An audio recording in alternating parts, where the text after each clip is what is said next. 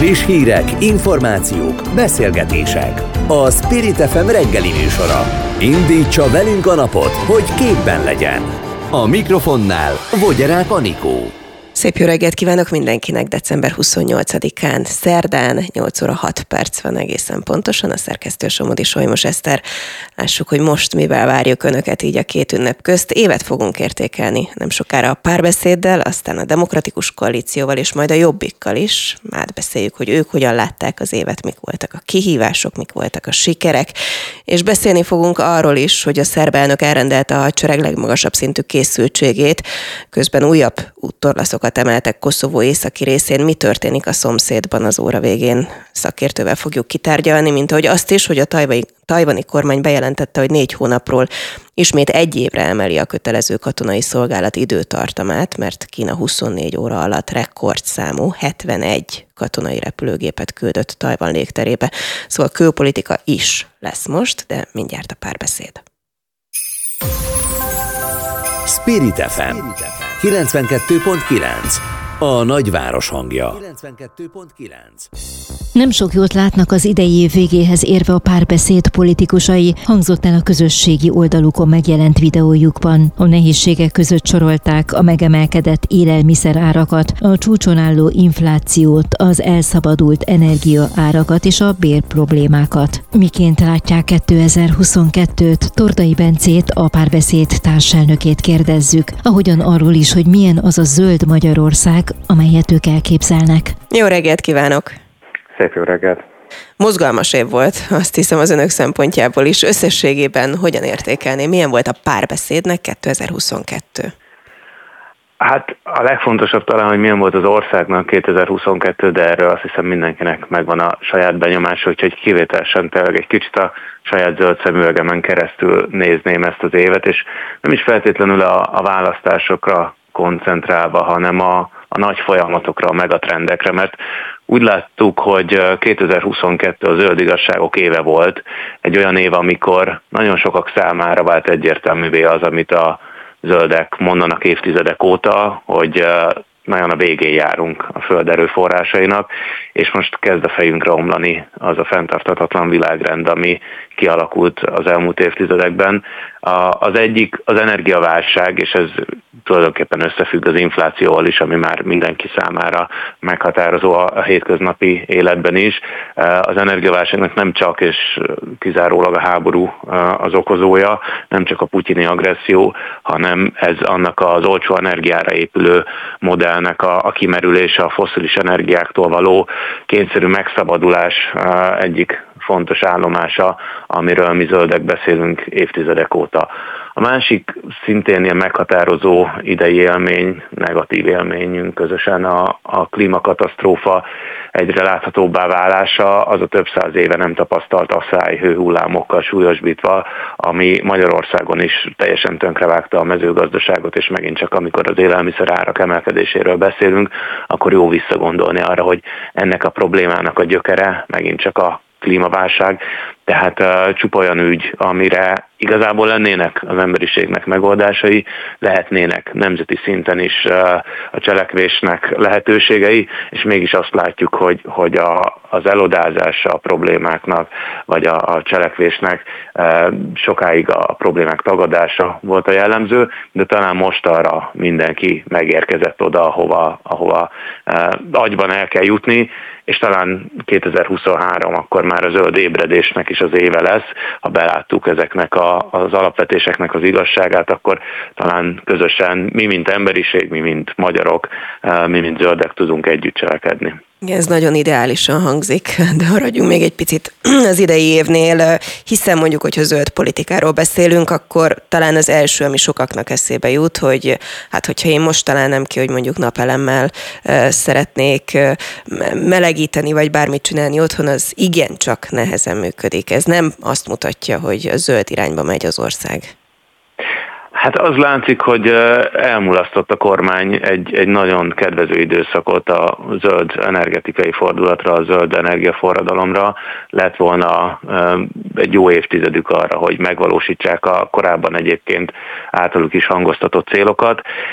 Az, hogy a hálózatfejlesztést elmulasztották, az vezetett félig meddig oda, de azért nem kizárólag ez, hiszen ebben sem kommunikálnak őszintén, őszintén de ez vezetett oda, hogy miközben örvendetesen meglódult a háztartási szintű eh, naperőművek, tehát a háztetőre szerelhető napelemeknek a forgalma, a beszerelése, eh, és ezzel párhuzamosan egyébként az ipari eh, felhasználás is sajnos nem mindig a legjobb megoldásokat megtalálva, értve ez alatt a, a szántóföldekre telepített napelemeknek a problémáját, de hogy az látszik, hogy a hálózat bizonyos területeken legalábbis már nem tudja felvenni sokszor a, a termelést, és nem csak nyáron, illetve nem is nyáron a legmagasabb a teljesítmény, hanem a késő tavaszi és kora őszi hónapokban. Nem csak olyankor probléma ez, hanem most például arról jöttek hírek, hogy már vissza kellett terhelni a paksi atomerőművet,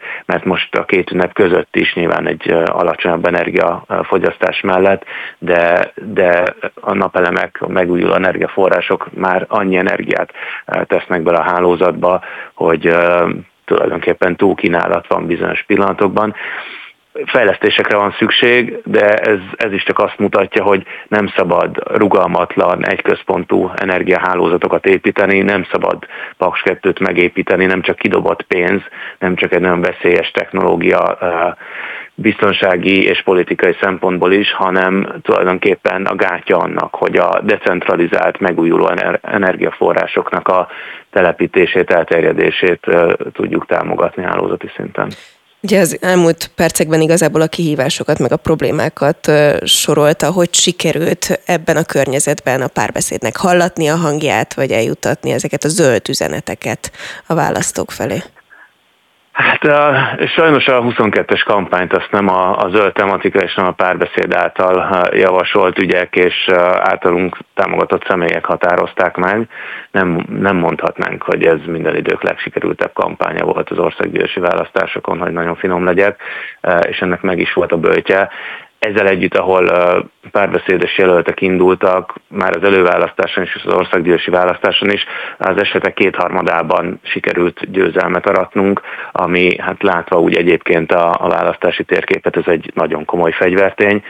Én örülök annak, hogy nem csak nekünk van egy relatív erős frakciónk a, legalábbis az ellenzéki mértel mérve az országgyűlésben, de a másik zöld párt az LMP is uh, frakciót tudott alakítani, és ketten így uh, talán nagyobb súlyjal tudjuk befolyásolni első körben az ellenzéki közpolitika alkotást, és ez látszott már a, a programalkotás időszakában, uh, és egyébként meg úgy általában a, a közbeszédet, hiszen ebben azt hiszem egymásra támaszkodhatunk. Ami szintén siker, hogy kezd megmutatkozni Budapesten is Karácsony Gergely párbeszédes polgár, főpolgármesternek a zöld politikája, kezd eh, körvonalazódni a választók számára is értelmet nyerni, hogy mit jelent egy zöld városvezetés, és azt hiszem, hogy ha vannak is viták e körül, mint ahogy minden változás, minden átalakulás kapcsán vannak viták, de látszik, hogy, hogy mi a helyes irány, merre van előre, és hogy ezt az irányt a zöldek mutatják meg. Sokan találgatják is, hogy mikor lesz ez a pont, amikor az LMP és a párbeszéd összeáll. Ez várható 2023-ban? Nyilván meglévő önazonos szervezeteket csak úgy összegerebézni, összabroncsozni nem annyira egyszerű, de az, hogy 2023-nak arról kell szólnia, hogy a magyarországi zöld pártok közösen elkezdik építeni azt az erős zöld politikai pólust, ami meghatározója lehet a következő évtizedeknek, az szerintem nagyon is időszerű felvetés. Közelednek az európai parlamenti választások, az önkormányzati választások. Én azt hiszem, hogy itt jobb, hogyha egymással nem konkurálunk, hanem egymást segítve a közös célokat szolgáljuk, és ezen keresztül Magyarország helyes irányba állítását szolgáljuk. Úgyhogy mi partnerként tekintünk a párbeszédben az LNP zöldeltársakra, remélem ez kölcsönös, és úgy tűnik, hogy, hogy most már nagyobb a fogadókészség a közeledésre. A másik, amit sokan találgatnak, hogy nem kell attól tartani, hogy gyakorlatilag a kvázi kisebb pártok megszűnnek, mert hogy bekebelezi őket a DK, erről mi a véleménye? Hát a párbeszédnek jelenleg is van 150-200 ezer támogatója. Én nem gondolom, hogy ez a megszűnés jele volna.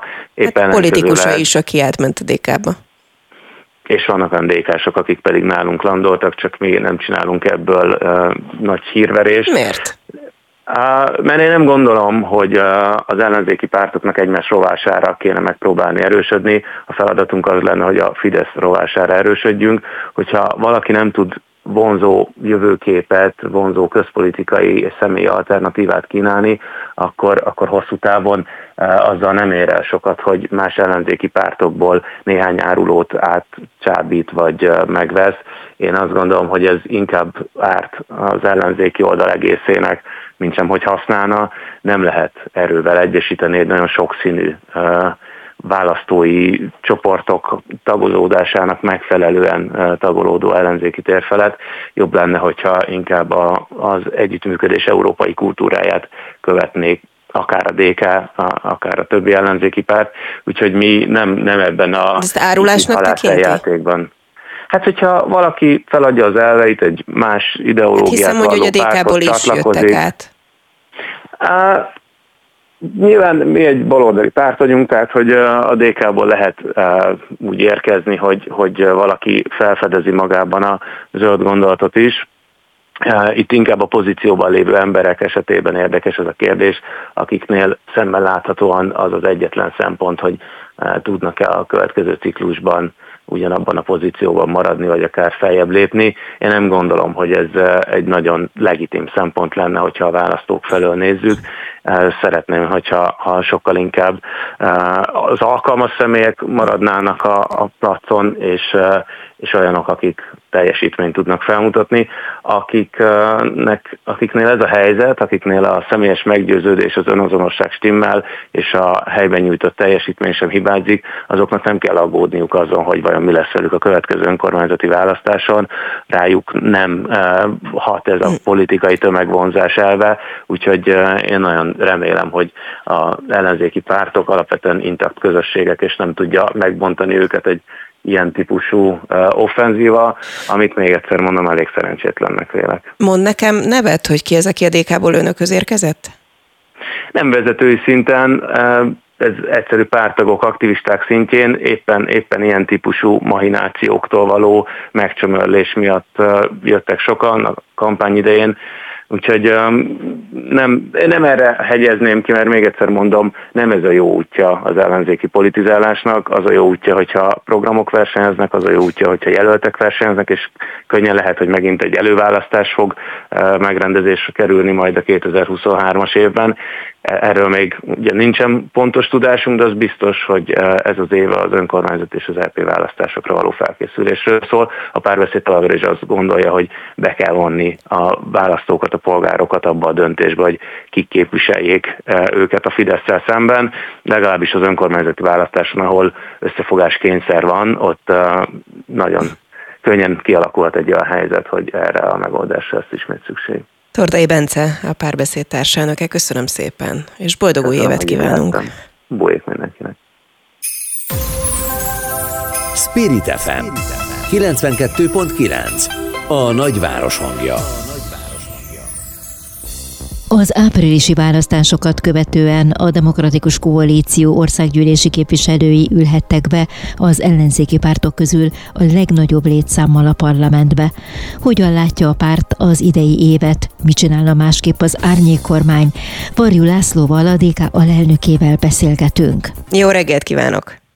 Jó reggelt kívánok, üdvözlöm Önöket! És mielőtt évet értékelünk, azért arra kérem, hogy egy mondatban reagáljon Tordai Bence szavaira, aki hát offenzívának tartja azt, amit a DK csinál, hogyha itt a politikusok kvázi átcsábításáról, bekebelezéséről, ki hogyan szereti nevezni, van szó.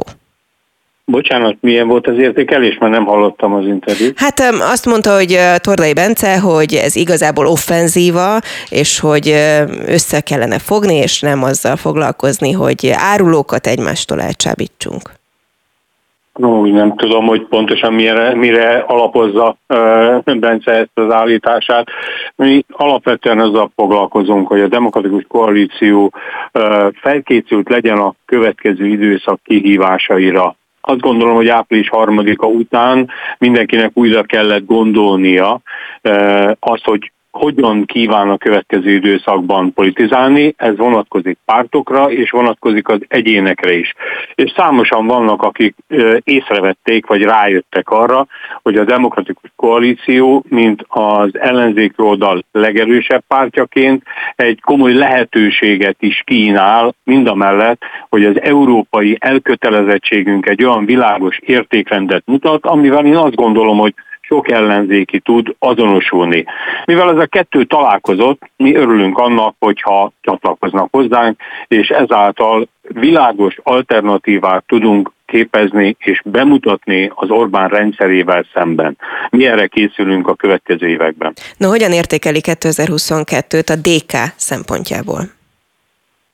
A demokratikus koalíció értékelése, de inkább azt mondom, hogy a személyes értékelésemet természetesen alapvetően befolyásolja, hogy április harmadikán a választásokon az ellenzék nagyon súlyos vereséget szenvedett. És mindez, ahogy az előbbi gondolatban mondtam is, újra kellett, hogy értékeljen és elindítson olyan folyamatokat, ami a változást hozza meg, felkészülést arra, hogy ezen a helyzeten lehessen változtatni, és Magyarországnak lehessen jobb uh, utat kínálni. És uh, én nagyon örülök annak, hogy a demokratikus koalíció kezdeményezésére az árnyékkormány elindítása, elindulása az egy olyan folyamat uh, kezdete ma, ami bizony benne, hogy nagyon messzire vezet el, kormányváltásig vezet majd el, és ez hogy ez be tudott következni, a demokratikus koalíció erre vonatkozó képessége, eh, a változtatásra való képessége, az alkalmazkodás, ami nagyon fontos itt eh, ebben a világban, hogy ezt meg tudjuk tenni, el tudtuk indítani, azt gondolom, hogy a demokratikus koalíció szempontjából nagyon fontos volt. Sokan azzal a kritikával illetik önöket, illetve az árnyékkormányt, hogy jó-jó, de miért nem mondjuk a választások előtt tették ezt, hiszen itt volt pont az idei évben egy választás, ahol ezt meg lehetett volna mutatni. Hát a, a, a helyzet az, hogy ez volt a, a mi tervünk. Egy évvel ezelőtt kellett volna, és azt javasoltuk, hogy akkor kell az árnyék kormánynak megalakulni akkor az előválasztás másként alakult, mint ahogy mi terveztük, de én azt gondolom, hogy ilyen szempontból új helyzetet teremtett maga a választás, az április harmadikai választás eredménye, és éppen ezért el tudtunk indulni a korábban említett új úton. Összességében véve mégis azt kell mondanom, hogy az a politika és az a következetes tevékenység, amit a demokratikus koalíció politikájában, szervezeti építkezésében, kommunikációjában végrehajt, annak a végeredménye, hogyha évvégi eh, mérleget eh, kell csinálnunk, akkor a demokratikus koalíció az ellenzéki oldal legnagyobb frakciójával rendelkezik az Európai Parlamentben, a Magyarországgyűlésben, a fővárosi közgyűlésben, és sorolhatnám még tovább a megyei, illetve egész pontosan a városi településeket is. És így összességében véve azt gondolom, hogy ez, a, ez az év ebből a szempontból úgy alakul, hogy ahogy említettem is, a DK képes arra a tovább lépésre, ami azt gondolom, hogy szükséges a következő időszakhoz. Nagyon optimistán látja 2022-t, egy kvázi elveszített, az ellenzék részéről elveszített választás után, és egy, hát egy szomszédban dúló háborús helyzet közepén.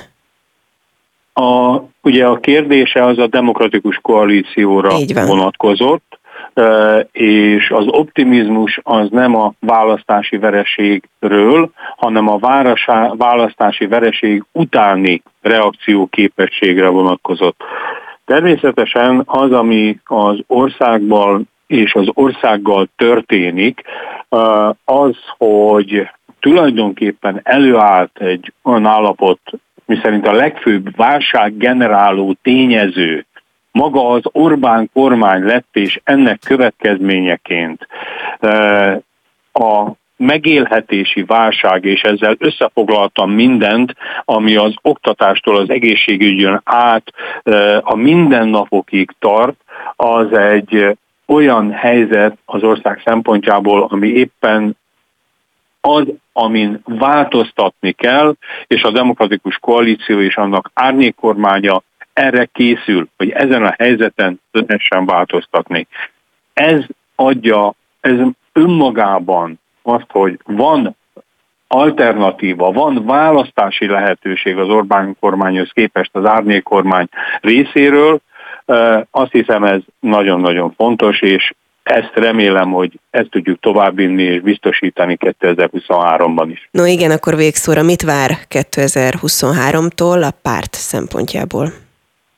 Egy következetes munkát, felkészülés arra, hogy a következő időszakban igenis az Orbán kormányjal szemben bemutatott alternatíva az az emberekben megerősítse és elmélyítse, és egyben megtartsa a, vagy megteremtse azt a hitet, hogy igen, ezen a, ezen a világon az Orbán rendszeren kívül van más megoldás. Én azt hiszem, erre kell a legtöbb energiát fordítanunk most. Varjó László, a Demokratikus Koalíció országgyűlési képviselője, alelnöke. Nagyon szépen köszönöm, és boldog új évet! Viszont kívánom, demokratikus új évet kívánok mindannyiunknak. Viszont halásra! Friss hírek, információk, beszélgetések. A Spirit FM reggeli műsora. Indítsa velünk a napot, hogy képben legyen. A műsorvezető Vogyerák Anikó. Eseménydús év után sok kihívást ígérő esztendő előtt kívánt kellemes ünnepeket a Jobbik alelnöke Gyöngyösi Márton a párt közösségi oldalán. A Jobbik számára nem csak a gazdasági változás adott feladatot, hanem a pártban történt konfliktusok, Stummer János és Jakab Péter kilépése is. Milyen kihívásokkal küzdött meg a párt? Hogyan értékeli a Jobbik az idei évet? Dr. Lukács László Györgyöt, a Jobbik alelnökét kapcsoljuk. Jó reggelt kívánok! Jó reggelt kívánok, köszöntöm a Spirit FM hallgatóit is. Hát igen, hogyha a pártokat veszük sorra, akkor talán a Jobbiknak volt a legkritikusabb, vagy nem tudom, mozgalmasabb, hogy fogalmazzak? Ön hogy fogalmaz, nem milyen tudom, éve? Én, én uh, nyilván ez belülről nehéz uh, így megélni, de szerintem így kell hozzáállni. Mindig a jobbik körül zajlik az élet, azt kell, hogy mondjam. Tehát hogy nekünk tényleg nagyon izgalmas évünk hát volt. Zajlik. És ez, igen, igen. Tehát hogy sokszor ezt magunknak köszönhetjük. Mi egyébként ebben önkritikusok vagyunk, tehát a mi közösségünk nagyon-nagyon sok ilyen hullámhegyem, hullámvölgyön van túl, és nem csak a múlt évben, vagy ebben az évben, amit magunk mögött hagyunk, hanem az azt megelőző években is azért mindenki az első sorból gyakorlatilag premier plánban látta, hogy a párton belül mik zárnak, ami nem helyes, de hát ebben a közösségben ez sajnos így szokott alakulni, ezen dolgozunk, hogy ne így legyen, tehát hogy a problémáinkat ne rögtön kint beszéljük meg, hanem belül meg lehessen beszélni. De hát a Jobbik az most egy ilyen életet élt, tehát ezen nincs mit szépíteni, és sajnos ebben az évben is kijutott belőle rengeteg a közösségünknek ebből. Ez az egyik fogadalmuk 2023-ra, hogyha lehet, akkor ebbelül rendezzük ezeket az ügyeket? Szerintem nem érdemes fogadalmakat tenni. Én az az ember vagyok, aki nem ilyenkor tesz fogadalmakat, hogyha tesz fogadalmat, de ezeket valóban rendezni kell. Tehát az, az nem működik, és szerintem nem csak egy párban, de bármilyen más társas közösségben sem működik, hogy az ember a problémáit nem a belső körökben, hanem kívülre próbálja megbeszélni. És ugye ezt a, a média, plusz az a világ, ami most mindig minden apró részletre kíváncsi, az fel is nagyítja, szeret is vele foglalkozni, napokig hír, ami árt egyébként annak a közösségnek, aki egyébként pedig nyugodtan szeretne dolgozni, és szeretne ebben előrelépni, és van egy célja, hogy egy sikeres politikai közösséget létrehozzon. Igazából ez nekik fájdalmas, mert az ő munkájukat rontja el, és az ő sikerélményüket veszi el. Nekünk vezetőknek meg kihívás, hogy ezt mindig kezeljük, de mondom, ezt már megszoktuk, tehát semmi különleges nem volt. Mi abban bízunk és azon dolgozunk, hogy ez ne így legyen, hogy a 2023-as év ne ezekről szóljon, és ne ezt a jobbikot ismerjék, vagy ne, ezt a jobbik, ne erre a jobbikra emlékezzenek az emberek. Ígérem, hogy a végén beszélünk arról is, hogy milyen évet vár 2023-ban. Egy nagyon mozgalmas év volt 2022 a belpolitika, vagy kvázi külpolitika szempontjából is minden mindennel összefügg. Volt egy választás is, ugye, ami még tovább, hát vagy nehezítette, ja. könnyítette a helyzetet, háború a szomszédban, megjönnek-e az uniós pénzek, hogy érzi a Jobbik, mennyire tudta tematizálni ezeket a történéseket, amellett, hogy belső konfliktusokkal kellett küzdenie? A Jobbik, és ezt önkritikus, önkritikusan mondom, egyetlen egy dologgal tudta tematizálni a közéletet a saját problémáival, és ami a közéletben ebből megjelent. Szerintem azokat a, egyrészt a választást és hogy mi zajlott, ott nyilván a miniszterelnök jelölteknek a, a harca, vagy úgymond egy két világnak, két különböző világnak, hogy milyen Magyarországot képzelünk el, annak a harca volt. Utána az egészet felülírta a háború, amiben szerintem nagyon sok minden más nem lehetett, mint a háborúról és a hazánk biztonságáról beszélni. Az új parlament megalakulása az még mindig egy útkeresés, még akkor is, hogyha stabil viszonyok voltak előzőleg, akkor is útkeresés volt, és most is útkeresés minden pártnak, és higgyék el a kedves hallgatók, még a kormánypártoknak is, tehát minden egyes új parlament a megalakuláskor azért mindig tartogat ért érdekességeket, meg kihívásokat, még azoknak is, akik hozzászoktak ahhoz, hogy mondjuk kétharmaddal kormányoznak. Ez ebben a jobbik igazából most csak egy utas szerepet tudott, tehát hogy ezzel utazott és próbálta keresni a saját énjét, lezárni ezeket a konfliktusokat, amelyek lappangtak a párt körül, vagy akár a pártban. Mi ezt tudtuk tenni. Mi sajnáljuk, hogy magunkkal kellett foglalkozni. Egy politikai pártnak sosem az a, a célja vagy a küldetés, hogy saját magával és a saját problémáival foglalkozzon, hanem a választók problémáinak a megoldásával foglalkozzon. Talán ebben az évben ez kevésbé sikerült, biztos, hogy ezen változtatni kell. Sikerült ön szerint ezeket a belső konfliktusokat, ügyeket lezárni, vagy maga mögött hagyni a jobbiknak, mm-hmm. vagy még vannak elváratlan szálak, ami 2023-ban? Akármikor volt, én mindig úgy fogalmaztam, hogy, hogy sosincs olyan, hogy vége, vagy száz százalékig biztosan sikerült valamit lezárni, de én, én azt, azt remélem, és mi ezen dolgozunk, hogy ne legyenek ilyen is ehhez hasonló konfliktusok, mint ami akár Jakab Péter körül volt, vagy más pártársaink körül volt az egy különleges szituáció, hogy egy új ciklus kezdetén azért mindenki keresi a helyét. Én szerintem ennek szóltak azok a távozók, vagy azok, akik máshol kerestek más pártnál, vagy saját mozgalmukban helyet, vagy esetleg rossz tanácsadókra hallgattak, és azért mentek más helyre. No, mit gondol arról, hogy átcsoportosulás van, vagy nem tudom, hogy minek nevezzem, ugye sokan azt mondják, hogy a demokratikus koalíció igazából, hát van, aki úgy fogalmaz, hogy felzabálja a kisebb pártokat. Ma beszélgettem egyébként ugye Tordai Bencével is az adásban, aki gyakorlatilag offenzívának nevezte azt, amit a DK csinál, ugyanakkor azt mondta, hogy hozzájuk is szokott a párbeszédbe egyébként, vagy előfordult, hogy jön át DK-s. Ön ezt hogyan látja? Szerintem az a egyébként törvényszerű dolog zajlik, hogy egyrészt az emberek húznak az erősebbhez.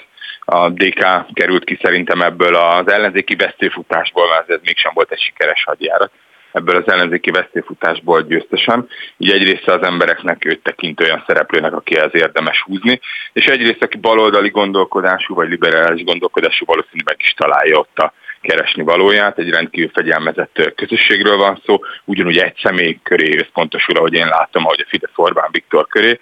Valakinek ezt tetszik. Én úgy gondolom, hogy a Jobbik számára, bár elképzelhető, hogy lesznek, vagy volt is olyan, aki átlépett a DK-ba, talán nem a Jobbikból származnak azok majd, akik esetleg a DK-t föl fogják még jobban duzzasztani. Ugye minket egy viszonylag nagy ideológiai különbség választ el, a jobbik legalábbis, akik itt maradtak konzervatív gondolkodású embereknek tartják magukat, azért azért mégiscsak messze áll attól a baloldali ideától, amit a DK képvisel. De szerintem ez egy törvényszerű eseménye volt a, a választásnak és a választási bukásnak. Az, hogy ezt milyen módszerekkel csinálja a DK, én ezt kevésbé tudom, én nem követem ezeket, én csak kapkodom a fejem, amikor egy-két ember ugye pártot vált, tudomásul tudjuk venni, más nem tudunk tenni, a saját dolgunkra kell fókuszálni. Mindig ezt hallottuk. Én mindig ezt hallottam a jobbikban, hogy a, a munkában, az elvégzett munkában hiszek, és csak le kell hajtani az embernek a fejét és dolgozni keményen érte.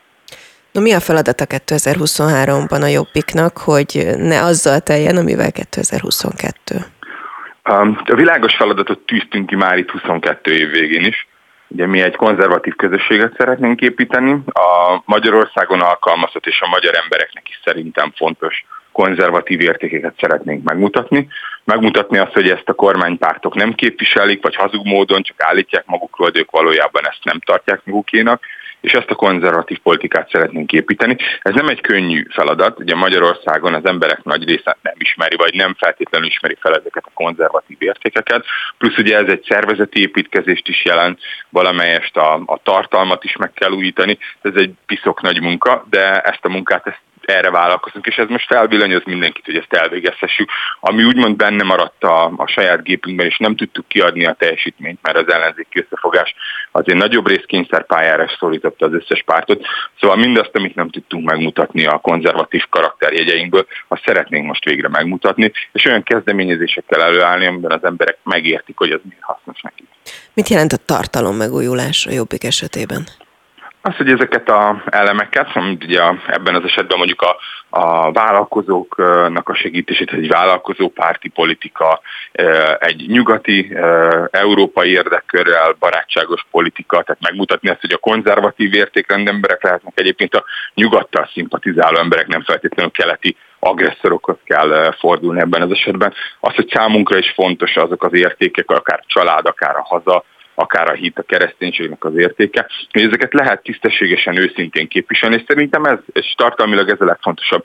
Bármit, amit az ember képvisel, ezt őszintén kell képviselnie. Mi erre tesszük alapot, hogy az emberekkel őszinte kommunikációt és egyenes kommunikációt lehessen folytatni. Mi úgy gondoljuk, Magyarországon erre van szükség nagyon sokan vannak, akiknek akár kis vállalkozásoknak semmilyen fajta jövőképet, semmilyen fajta lehetőséget nem kínál semmilyen párt ma Magyarországon. Úgy gondoljuk, őket is képviselni kell, és még ezen kívül nagyon sok mindenkit. Egy dolgot tudunk mondani, egy konzervatív párt a konzervatív értékek mentén nem tud mindenkit képviselni, ez nem egy néppárt ez nem egy olyan mozgalom, ami minden egyes embert képvisel, mint amit a nagy baloldali pártok vagy a Fidesz gondol. Mi azokat a személyeket tudjuk és szeretnénk képviselni, akik szeretnének a saját boldogulásuk érdekében tenni, szeretnének a saját eszközeikkel felemelkedni, és saját magukat, és a közösségüket gyarapítani, és hiszünk abban, hogy a helyi közösségeket kell erősíteni. Ez meg már az önkormányzati választásra szól, nem központilag képzeljük el, a dolgoknak a menetrendjét, hanem azt, hogy a helyi közösségek határozhassák meg a saját sorsukat. Voltak a Jobbiknak egyébként válaszai azokra a kérdésekre, konfliktusokra, amik egyébként az ország híreit, meg egyáltalán a belpolitikát, külpolitikát tematizálták? Gondolok itt arra, ugye, hogy a háború kérdésköre, vagy mondjuk az uniós pénzek, ezek Világ, igen, konkrét igen. válaszaik voltak, csak nem jutott el?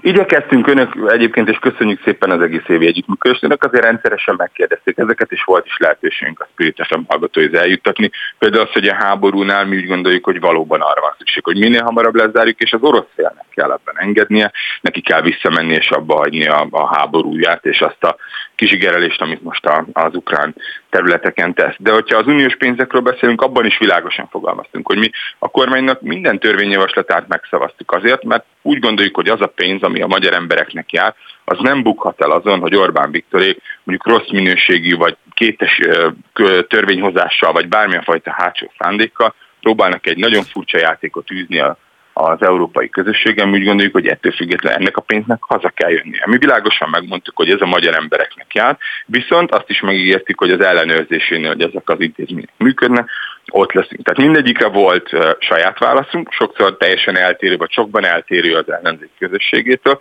de ebben mindenki egyrészt a saját hangját keresi, és mint mondtam, mi szeretnénk őszintén beszélni. Mi úgy gondoljuk, hogy Magyarországnak járnak ezek a pénzek, az Európai Uniónak nem feltétlenül van mindenben egyébként igaza, és egyébként a kormány felelőtlen gazdálkodását és felelőtlen működését meg valamilyen módon majd ellensúlyozni kell. Mi erre vállalkozunk, és így szeretnénk az embereket képviselni.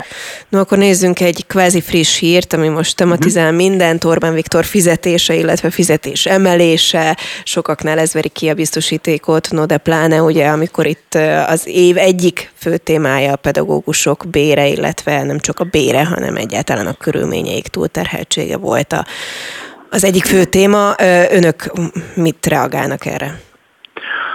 Ugye sosem szerencsés ez a hír, különösen úgy, hogy ez minden évben megérkezik. Abban a törvényben, ami a képviselőknek és a, az állami vezetőknek a fizetéséről rendelkezik. Ugye egy olyan szabály van meghatározva, hogy egy, egy a nemzet, nemzetgazdasági bért, ami, ami ugye emelkedik, vagy hát mi úgy látjuk, hogy a statisztikai hivatal gondoskodik róla, hogy mindig emelkedjen, hogy az emberek valójában évről évre lehet szabuljárnak. Szóval egy olyan törvényi szabályzás van, ami majdnem mindig egy ilyen automatikus emelést eredményez, ez nem szerencsés. Különösen akkor, amikor az ápolók bérével, a pedagógusok bérével, és még nagyon sok mindenkit mondhatnánk, el vagyunk maradva, és valójában az infláció még azt a minimálbéremelést is felemészti, ami, ami egyébként van. De ettől függetlenül, és abban szerintem őszintének kell lenni, hogy az állami vezetőknek a bérét azért érdemes rendezni, mert látjuk, hogy milyen korrupciót szül. Tehát, hogyha Orbán Viktornak a bére, nem mondom, hogy legyen magasabb, de hogyha nincs egy normális bére egy felső vezetőnek, előbb-utóbb korrupció felé fog nyúlni. Ebben az elmúlt időszakban, az elmúlt 12 évben a Fideszes csúcsra járatta. Tehát senki nem tudja megmagyarázni egyes politikusoknak a meggazdagodását, a családjának a meggazdagodását.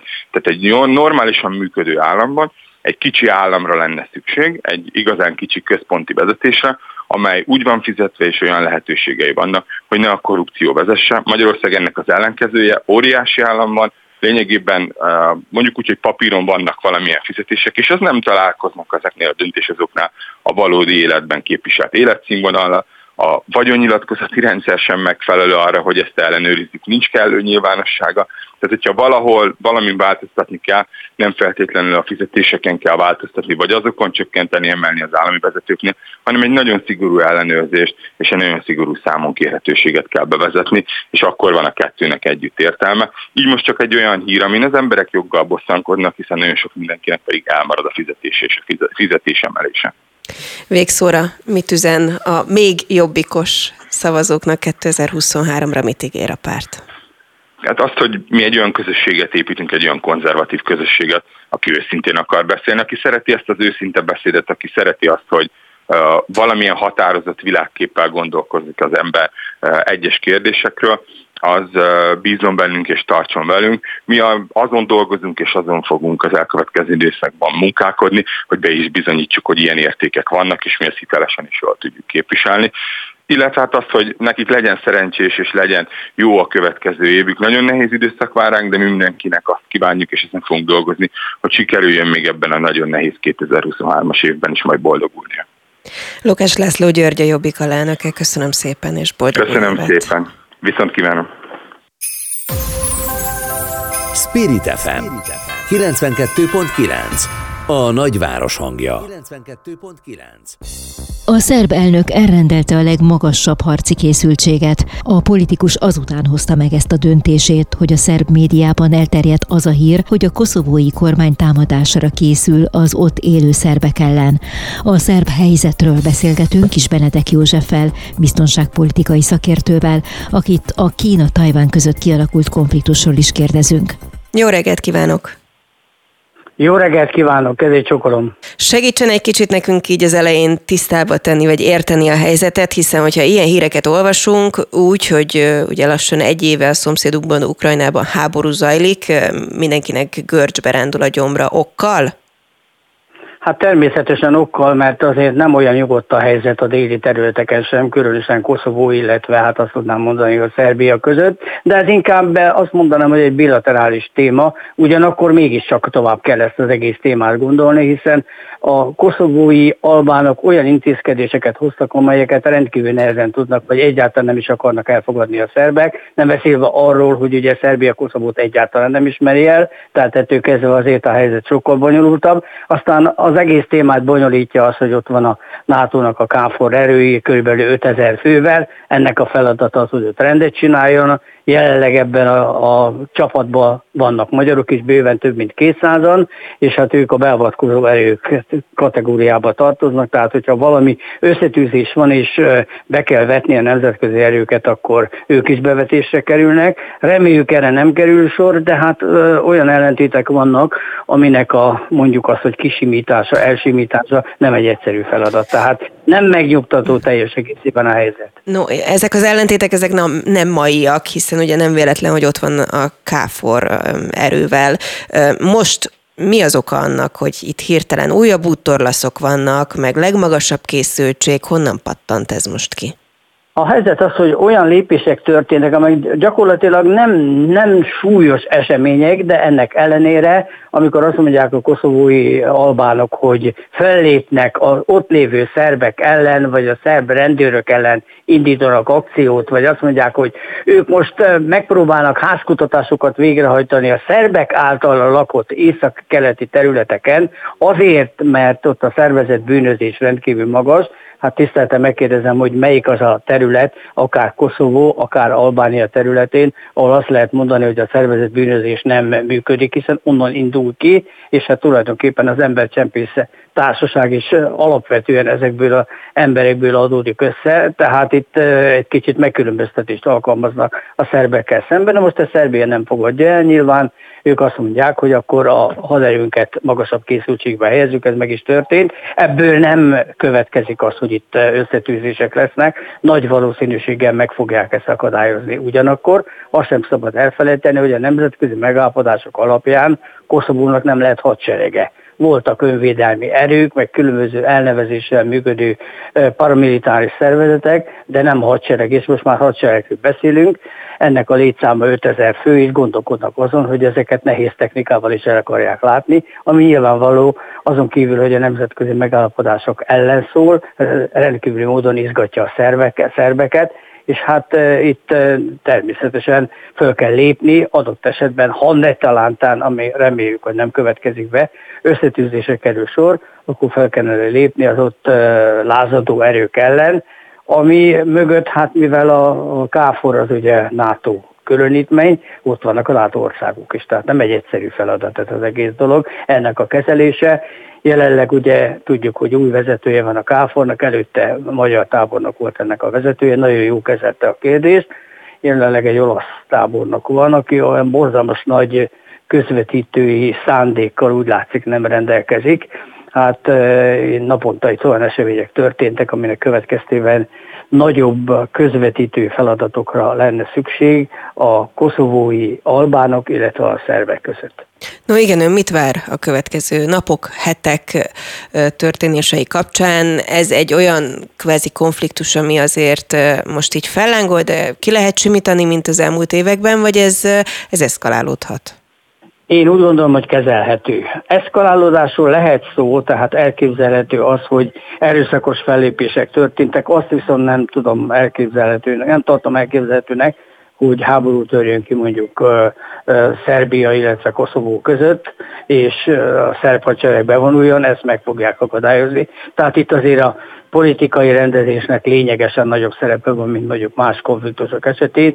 Én úgy gondolom, hogy ezt akár a NATO részéről, vagy az ott lévő e, nemzetközi erők részéről rendezni tudják, és megakadályozzák azt, hogy háború törjen ki. Hát egyébként meg el kell mondanom, hogy a, a szerb hadseregnek egyáltalán nincs szándékában az, hogy ő most elfoglalja Koszovó területét. Itt e, most amiről jelenleg szó van, arra azt tudnám mondani, hogy erőfitoktatás, tehát fölhívni a figyelmét a másik félnek, nevezetesen a koszovói albánoknak arra, hogy itt azért lehetnek keményebb fellépések is, ha ez szükségesé válik. Én ezt nem tartom reálisnak, hogy ez idáig eljusson a konfliktus.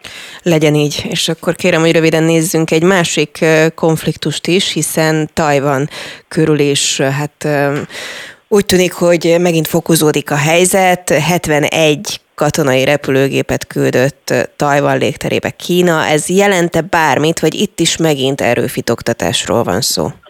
Igen, úgy, hogy ön mondja, erőfitoktatásról van szó. Hát az amerikaiak támogatták Tajvan, tehát oda küldtek azért, hát tudjuk, emlékszik a, emlékszünk a Pelosi féle látogatásra, illetve tudjuk azt, hogy az amerikai haderő az utóbbi időben elég sok fegyvert szállított Tajvan részére, ami értető módon nem nagy lelkesedést váltott ki a kínaiakban, nevezetesen ők ugye Tajvan Kína területének tekintik, tehát ettől kezdve, mint szakadár területeket kezelik, és hát ezzel azt akarják megmutatni, hogy azért mi is itt vagyunk, nem feltétlen lenne arra szükség most, hogy az amerikaiak a tájvani hadsereget támogassák, és ezért volt ez a erőfitoktatás, és azért történt olyan, hogy a úgynevezett demarkációs vonalat, vagy a képzeletbeli határt a tenger felező vonalánál, hát megsértették és átlépték tulajdonképpen a, a tajvani légteret. Ennek következtében nyilván a másik oldalon hát, tiltakozásokat látunk.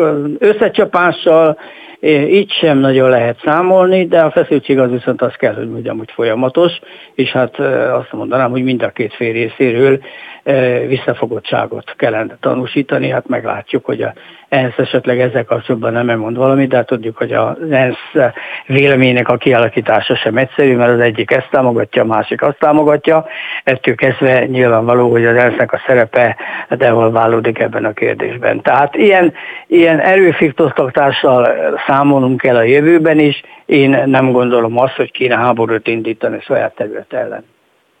Közben azért eh, Tajvan bejelentette azt is, hogy négy hónapra egy, négy hónapról egy évre emelik eh, a kötelező katonai szolgálatot, ami, eh, ami azért egy konkrét lépés. Igen, hát ezt, ezt a kialakult helyzetnek megfelelően fogják megváltoztatni, ezzel változtatják meg, erre megszületett a döntés, de az, hogy most mennyi időre emelik a katonai szolgálatokat, az a kiképzett állományt jelenti, tehát ez nem, nem jár azzal, hogy most itt háborút akarna bárki is indítani. Tehát én, én úgy gondolom, hogy ez a helyzet is kezelhető, de feszültséggel továbbra is számolni kell. A kötelező katonai szolgálat megemelésével legfeljebb több jobban kiképzett állomány áll rendelkezésre a hadseregnek. Végszóra azért érdekel, hogy most éppen az orosz-ukrán háború kapcsán mi a véleménye, mi történik éppen a szomszédunkban? Hát jelenleg ugyanolyan intenzitással folynak a küzdelmek, mint eddig is, tehát nincs semmiféle a tél miatt érzékelhető feszültségcsökkentés. Lehet azt látni, hogy Bakmut környékén nagyon kemény harcok folynak. Oroszoknak világos célja az, hogy a négy szakadár területet teljes egészében megszállását tartják, addig semmiféle tárgyalásban nem kívánnak belemenni. Ezen kívül folytatódik a, a, a ukrán infrastruktúrálni támadás sorozat, ezzel is számolni kell a jövőben, ugyanakkor nagyon kevés, majdnem nulla lehetőséget látok arra, hogy bármilyen tárgyalás is meginduljon, hiszen a felek nem érték el a céljukat. Na most, ha azt nézzük, hogy az ukránok viszont azt mondják, hogy vissza a négy megyét, és ezen kívül szeretnék elfoglalni természetesen a krimet is, hogy adják vissza ezt az oroszok, és ennek érdekében elég komoly harcok folynak, mégpedig a, a félsziget északi részén a összekötő területet szeretnék elvágni úgy, hogy az oroszok ne tudják északról támogatni mondjuk hadianyaggal a Krím félszigeten lévő orosz erőket, tehát itt azért továbbra is nagyon kemény harcokkal lehet számolni, és mivel a tárgyalásoknak a csirája nem tapasztalható jelenleg. Én ebből nem tudom azt a következtetést levonni, hogy itt bármilyen megegyezés születne, és bármelyik fél azt mondaná, hogy rendben van, elfogadom a feltételeket. Ennek pillanatnyilag egyik oldal részéről sem látom a legkisebb lehetőségét sem. Kis Benedek József biztonságpolitikai szakértő. Nagyon köszönöm, hogy a rendelkezésünkre állt. Boldog köszönöm új évet, hogyha ilyen hírek után szépen. lehet ilyet mondani. Köszönöm szépen. Attól függetlenül boldog új eszendőt kívánok. Így van, viszont hallásra. Ezért sokan. Én pedig köszönöm a figyelmüket a szerkesztő Somodi Solymos Eszter nevében is, hogyha tehetik, maradjanak velünk, hiszen folytatódik az aktuál, csak egy kicsit másképp, aktuál összegzővel készítettünk évértékeléseket. Most egyébként pont kapcsolódóan az előző beszélgetéshez a külpolitikáról lesz szó a következő egy évben. Például Benda László külpolitikai szakértővel beszélgetek, de Brenner Koloman és Mesterházi Attila is elmondja majd így a NATO csatlakozás körüli mizériákat, úgyhogy maradjanak velünk. 10 órától pedig Eldézsi Zoltán fog beszélgetni Rónai Egonnal arról, hogy neki milyen éve volt, hogyan tölti a karácsonyt, milyen új évre számít. Viszont hallásra!